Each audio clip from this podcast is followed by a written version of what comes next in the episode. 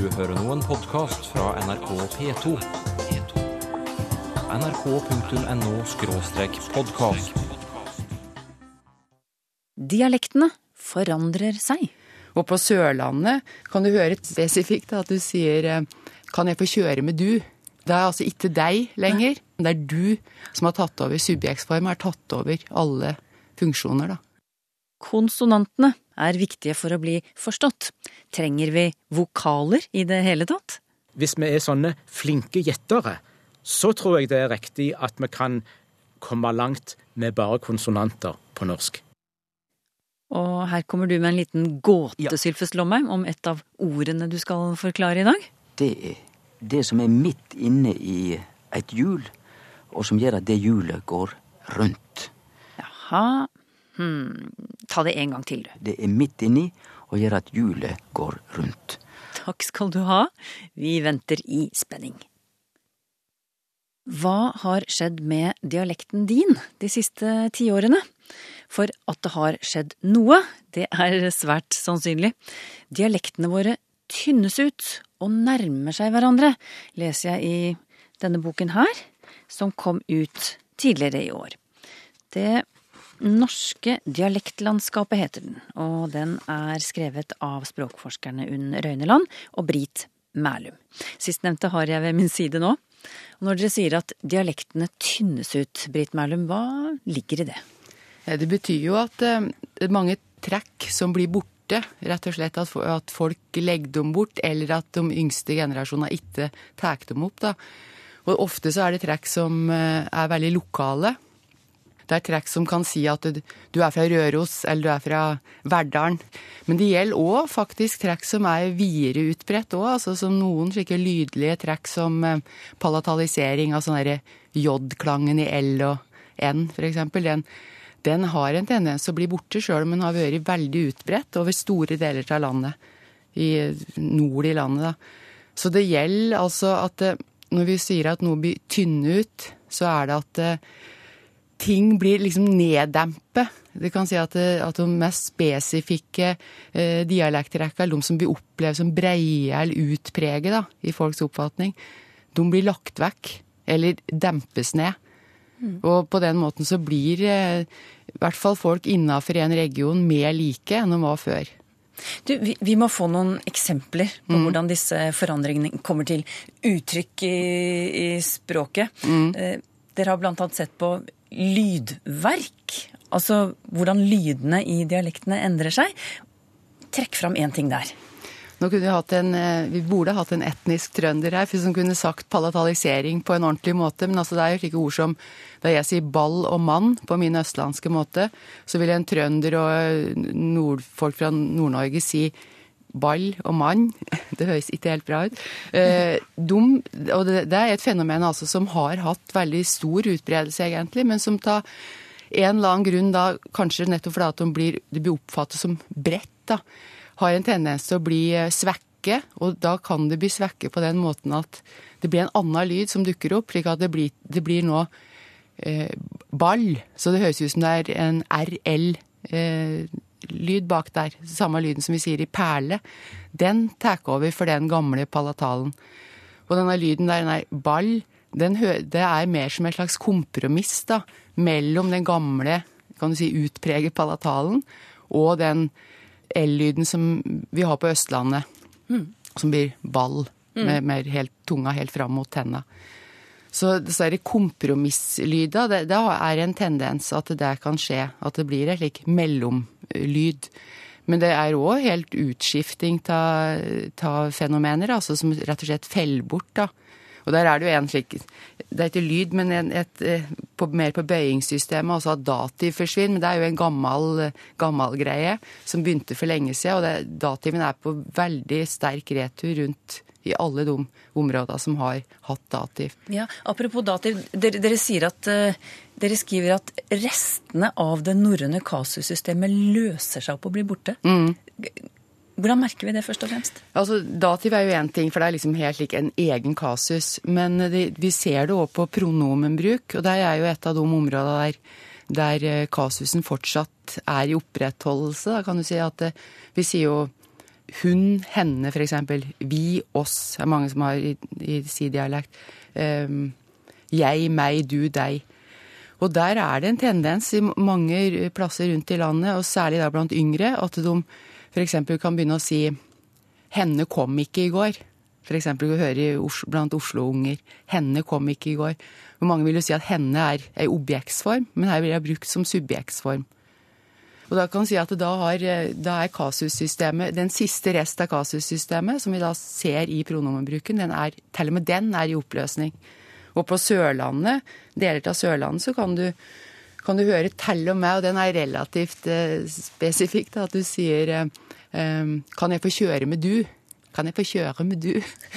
og det er altså ikke deg lenger, den objektsforma, men det er du som har tatt over. Subjektsforma har tatt over alle funksjoner, da. Mm. Så sier dere at det, det, skjer noe med verben i enkelte dialekter også. F.eks. Eh, sterke verb. Der forsvinner omlyden. Hva er det for noe? Altså, Sterke verb kan si nesten over hele landet har hatt enstavelsesformer i presens, slik som du finner da i nynorsk. Du sier kjem, finn, driv. Og der har det da en tendens til å skje hos mange, og særlig i byer igjen, at de begynner å si kommer, finner, driver. Slik at du får tostavelsesformer, og uten den uh, omlyden, da, f.eks. slik som i kjem. Og, dette og du finner det òg på partisipp av verb, altså i stedet for å si vorre, vøri, varianter som det, så blir det vert. Mm. Og det er slike typiske, veldig frekvente verb som stadig dukker opp, og som er veldig synlige, kan du si, i språket ditt. da. Det hadde gått an å gi mange flere eksempler eh, både på hvordan lyder forandrer seg og bøyningsmønstre forandrer seg. Du skal få lov å trekke fram ett eksempel til som du syns eh, bør nevnes. Det er jo noen slike signalord, slik som eh, førstepersonpronomen. At folk sier æ, æg, eg, je der er det eh, tendenser til endring der. Men altså, da kan det gå i Det kommer an på hvor du er igjen i landet. Men det er helt klart at jeg brer om seg over store deler av Østlandet, da.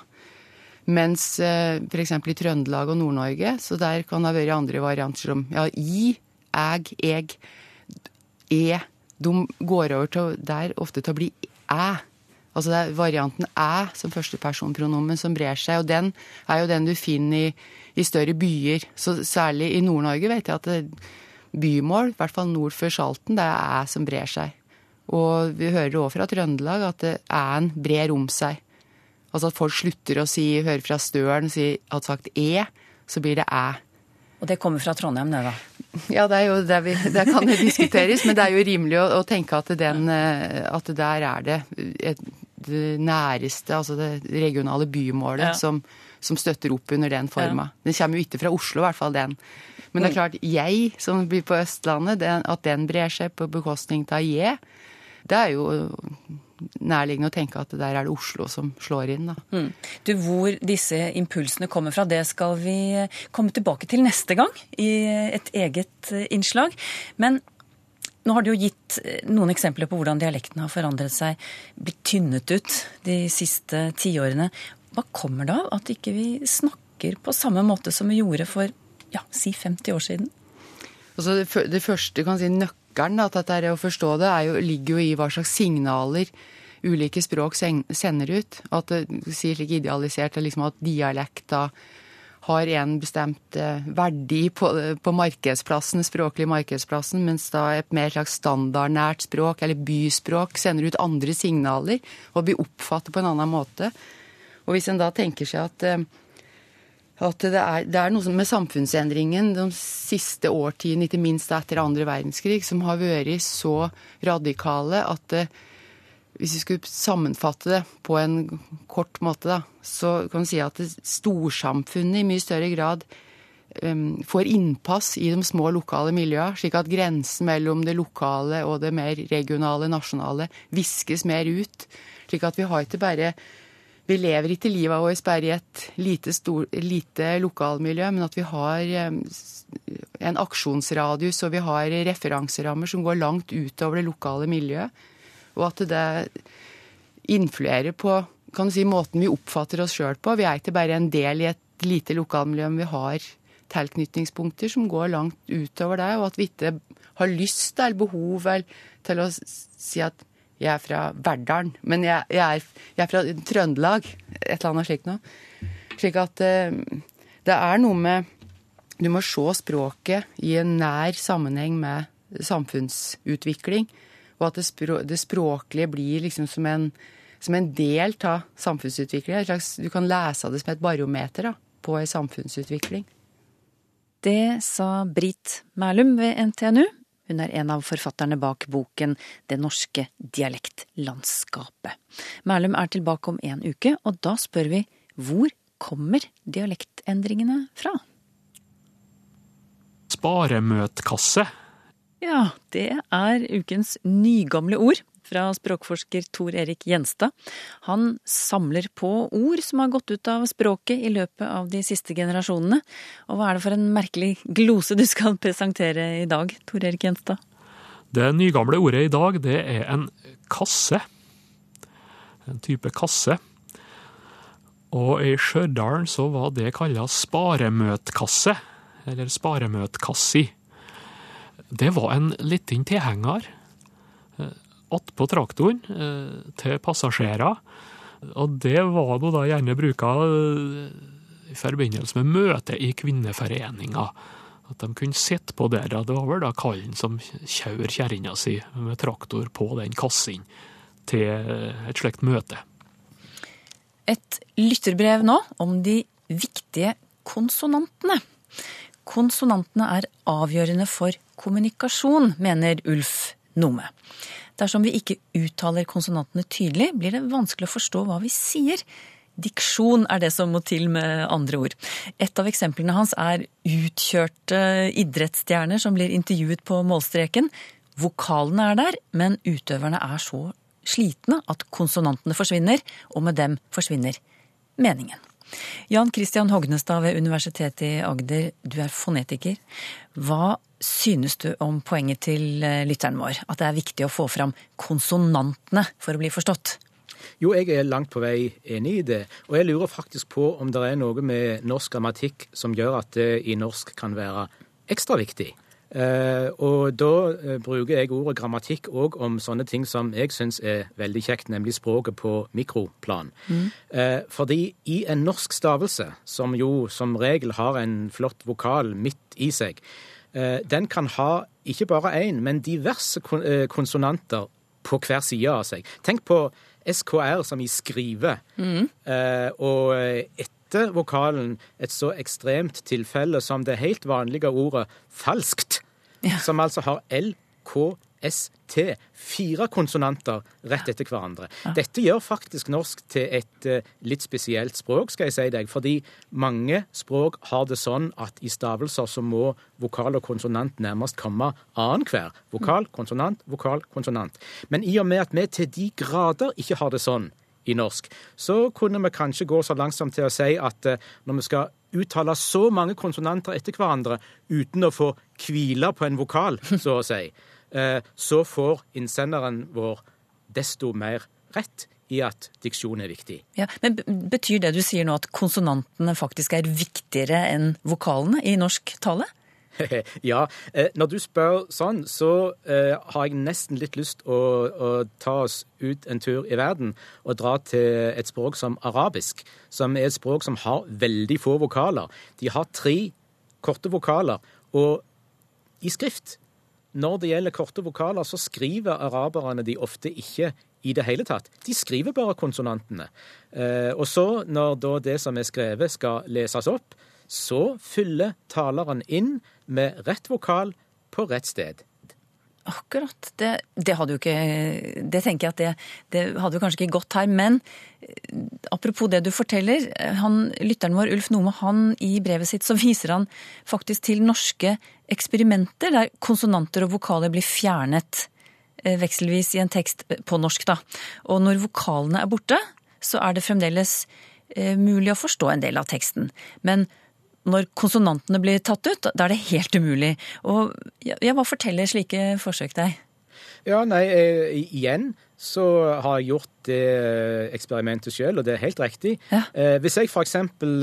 skriver en setning som det er faktisk bare tull, og så tar jeg vekk eh, alle vokalene, da vil jeg nesten tro at du ved hjelp av konsonantene som står igjen, ikke minst de mange konsonantene i faktisk, eh, vil kunne skjønne hva jeg hadde skrevet. Men vær nå oppmerksom på at dette forutsetter at du har en sammenhengende tekst å forholde deg til.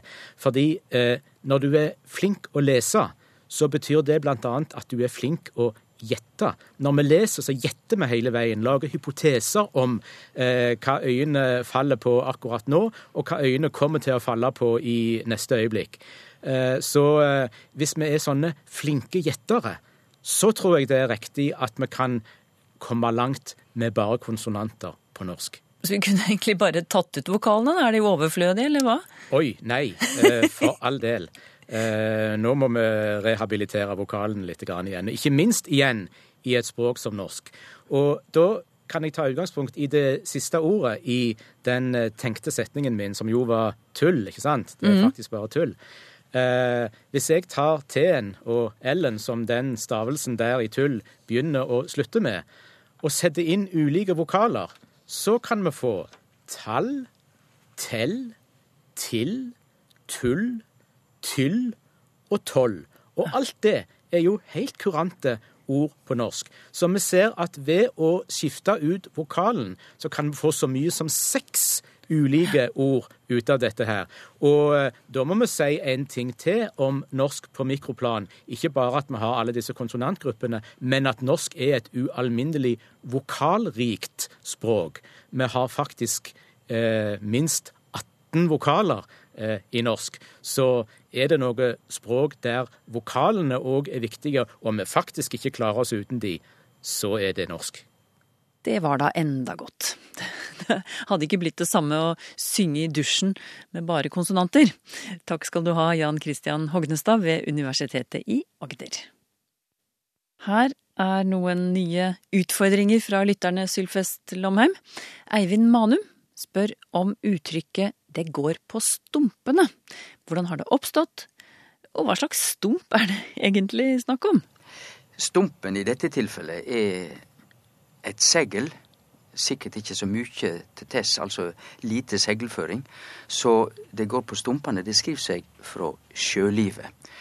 Og eh, når det kom så langt at jeg hadde bare stumpene igjen å seile med, så var ikke det mye igjen. Da var det på slutten. Men eh, sjølve ordet stump, eller stump med u, u eller o, det er jo det vi har i en taustump. Og vi har det i stumpen, bakenden på en liten tass, og så videre. Så sjølve ordet tyder egentlig ikke noe annet enn enden på noe. Slutten på noe, eller enden på noe. Og er nok eh, i slekt med òg stubb og stutt og så videre. Vi hører at det er mange ord som begynner på st og har en vokal u eller noe slikt etterpå. Og langt, langt attende vil nok disse orda ha noe felles. Og det felles er at det avbråter, eller at det kutta av, eller at det er en slutt på noe. Odd Hansen Matre har vært på kurs, og der har han truffet nye mennesker og utvekslet eh, De har utvekslet erfaringer, og han sier at rundt lunsjbordet så var det en dame som fortalte om avdelingen hun jobbet i. Men hun hadde forstått at avdelingen var ikke akkurat krumtappen i systemet. Og alle som satt rundt bordet skjønte hva hun mente, skriver han, men de hadde ulike oppfatninger av hva en krumtapp egentlig er. Kan Språkteigen hjelpe? Ja, det som er iallfall sikkert, er at eh, krumtapp Ordet krum der skal skrives med u, og ikke med o. For krum, eh, da er vi over i det som er blankt på metall. Det er krum, og krumtapp er det som er midt inne i et hjul, og som gjør at det hjulet går rundt. Det er krumtappen. Slik at krumtappen er i slekt òg med et annet ord, nav. Navet i et hjul, det er midt inni og gjør at hjulet går rundt. Og derfor er det jo, om ikke alt fungerer helt prikkfritt i det store systemet, eh, helse- og trygde- og sosialsystemet vårt, Nav, så syns de iallfall at sjølve ordet har de vært veldig heldige med. de bør jo være et nav i samfunnshjulet. Og så er det vel litt mer elegant enn å kalle det for krumtappen. Det er det. Marianne Bjørkli har en svensk svoger som morer seg stort over alle norske ord som ender på tøy. Sengetøy, kjoletøy, skittentøy. Man kan jo forstå at det heter tøy, for det handler jo om tekstiler. Men hva med ord som syltetøy, skotøy, sølvtøy, seletøy osv.? Kan dere hjelpe meg med en god forklaring her, spør Marianne Bjørkli. Ja, og forklaringa er at dette ordet tøy egentlig ikke er i utgangspunktet tekstil. Det er et gammelt ord vi har det i germanske språk, i tysk. Og det tyder rett og slett slag eller art. Altså noe som er av et bestemt slag eller art.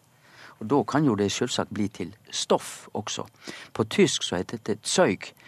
Eh, fartøy på, på tysk heter jo eh, fartsøyk. Så eh, art, slag, reiskap, hva som helst. Et veldig generelt ord. Og dermed så blir det litt sammenheng i denne tilsynelatende galskapen med skotøy og syltetøy og Ja, og så har vi utøy. Det betyr det som er ikke-tøy, altså dårlig art eller slag. Og det passer jo fint. Ehm, det skal også være i slekt med et annet godt kjent ord. To, altså TO. Det er godt to i den karen. Da er det godt stoff, det er godt slag art i den karen.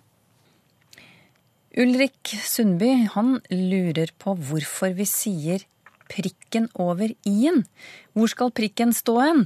I-en har jo allerede en prikk der, der, i egenskap av at det er en i. Da blir det i så fall to prikker, da, sier han. ja, nei, forklaringa er jo rett og slett at i utgangspunktet så hadde ikke i-en noen prikk over seg i det hele tatt.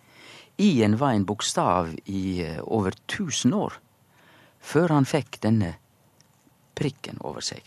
Det skjedde om lag årtusen, og det var franske munker som skreiv og kopierte da manuskript. Og for at denne i-en ikke skulle eh, blanda sammen under rask lesing med andre bokstaver, så markerte de i-en med å sette prikk over han. Da ble det tydelig. Og det betyr òg at uttrykket prikken over i-en egentlig ikke tyder det som står i norske oppslagsbøker. Eh, for i utgangspunktet betyr å sette prikken over i-en å gjøre ting veldig tydelig og klart, slik at det kan misforstås. Medan vi på norsk nå bruker jo å sette prikken over i-en som verkeleg å gjøre det, da har du gjort det stort, hvis du setter prikken over i-en. Så slik har det uttrykket utvikla seg på vegen til norsk. Kenneth Høgevold irriterer seg over bruken av uttrykket 'skjønt enig'. Slik jeg til nå har forstått uttrykket, skriver han, er skjønt synonym med til tross for at, likevel eller men, som for eksempel i setningen 'Han var født og oppvokst i Tyskland', skjønt det var vanskelig å spore noen aksent. Men så har eh, Kenneth Høgevold registrert at andre legger en annen mening i dette uttrykket. Og så har han eh, et eh, eksempel fra avisverdenen. Fortvilte klimaaktivister kappes om å svartmale situasjonen, og er skjønt enige om at det meste av arbeidet har vært temmelig forgjeves. Og så spør han er det korrekt å si skjønt enig eller skjønt enige, og i hvilke sammenhenger kan det brukes? Dette tilsynelatende mystiske spørsmålet med eh, skjønt de var enige, som betyr enda de var enige, og å være skjønt enige, som jo ikke har noe med, med det første å gjøre, men det betyr mer at de er ordentlig enige. Hvordan henger dette sammen? Mm. Jo, skjønt som vi har på norsk der, går egentlig tilbake til to forskjellige ord på tysk. Det første, skjønt de var enige, altså enda de var enige, der går skjønt tilbake til sjån, eller opp sjån, altså enda, om enn. Med å være skjønt enige, det er det velkjente ordet skjøn på tysk, og skjønn på norsk, som betyr vakker eller pent. Så er personer skjønt enige, så er de vakkert enige. Samme ordet som i, i skjønnforening, i vakker forening, og skjønnskrift som betyr penskrift. Så alt dette dreier seg om at skjønt egentlig eh, løgner to ulike opphav på tysk. Nils Roar eh, Gjære, jeg tror i hvert fall han eh, uttaler etternavnet sitt slik. I alle fall, Han har sakset to oppslag fra Bergens Tidende, og det handler om verbet å røyke. I det ene tilfellet her så er det brann, og det røyker fra taket på Bryggen, skriver avisen. I den andre artikkelen så har en bil kollidert, og det røyker fra bilen. Er dette en tendens? Eller ja, går det an å si det slik, spør vår lytter. Og er det mange som bruker røyke i denne sammenhengen? Dette er nok et spørsmål om tilhøvet mellom talemål, det vi sier, og det vi godkjenner i skrift. Jeg er sikker på at det røyker fra en bil skurrar i eh, språkøyret fra Østlandet. I vestnorsk er dette en heilt kurant seimåte, og da er det spørsmål om vi også godkjenner det i skrift. Så, og det, Bergens Tidende er jo den store vestlandsavisa, så jeg syns det er greit. Men det har nok et visst regionalt preg som, som eh, idiomatisk uttrykk. Det var Språkteigen for i dag. Neste gang spør vi blant annet hvor dialektendringene kommer fra. Du får også høre hvordan nye ord kan speile samfunnsutviklingen. Fasttelefon, for eksempel, et meningsløst begrep for en generasjon siden. Språkteigen om en uke.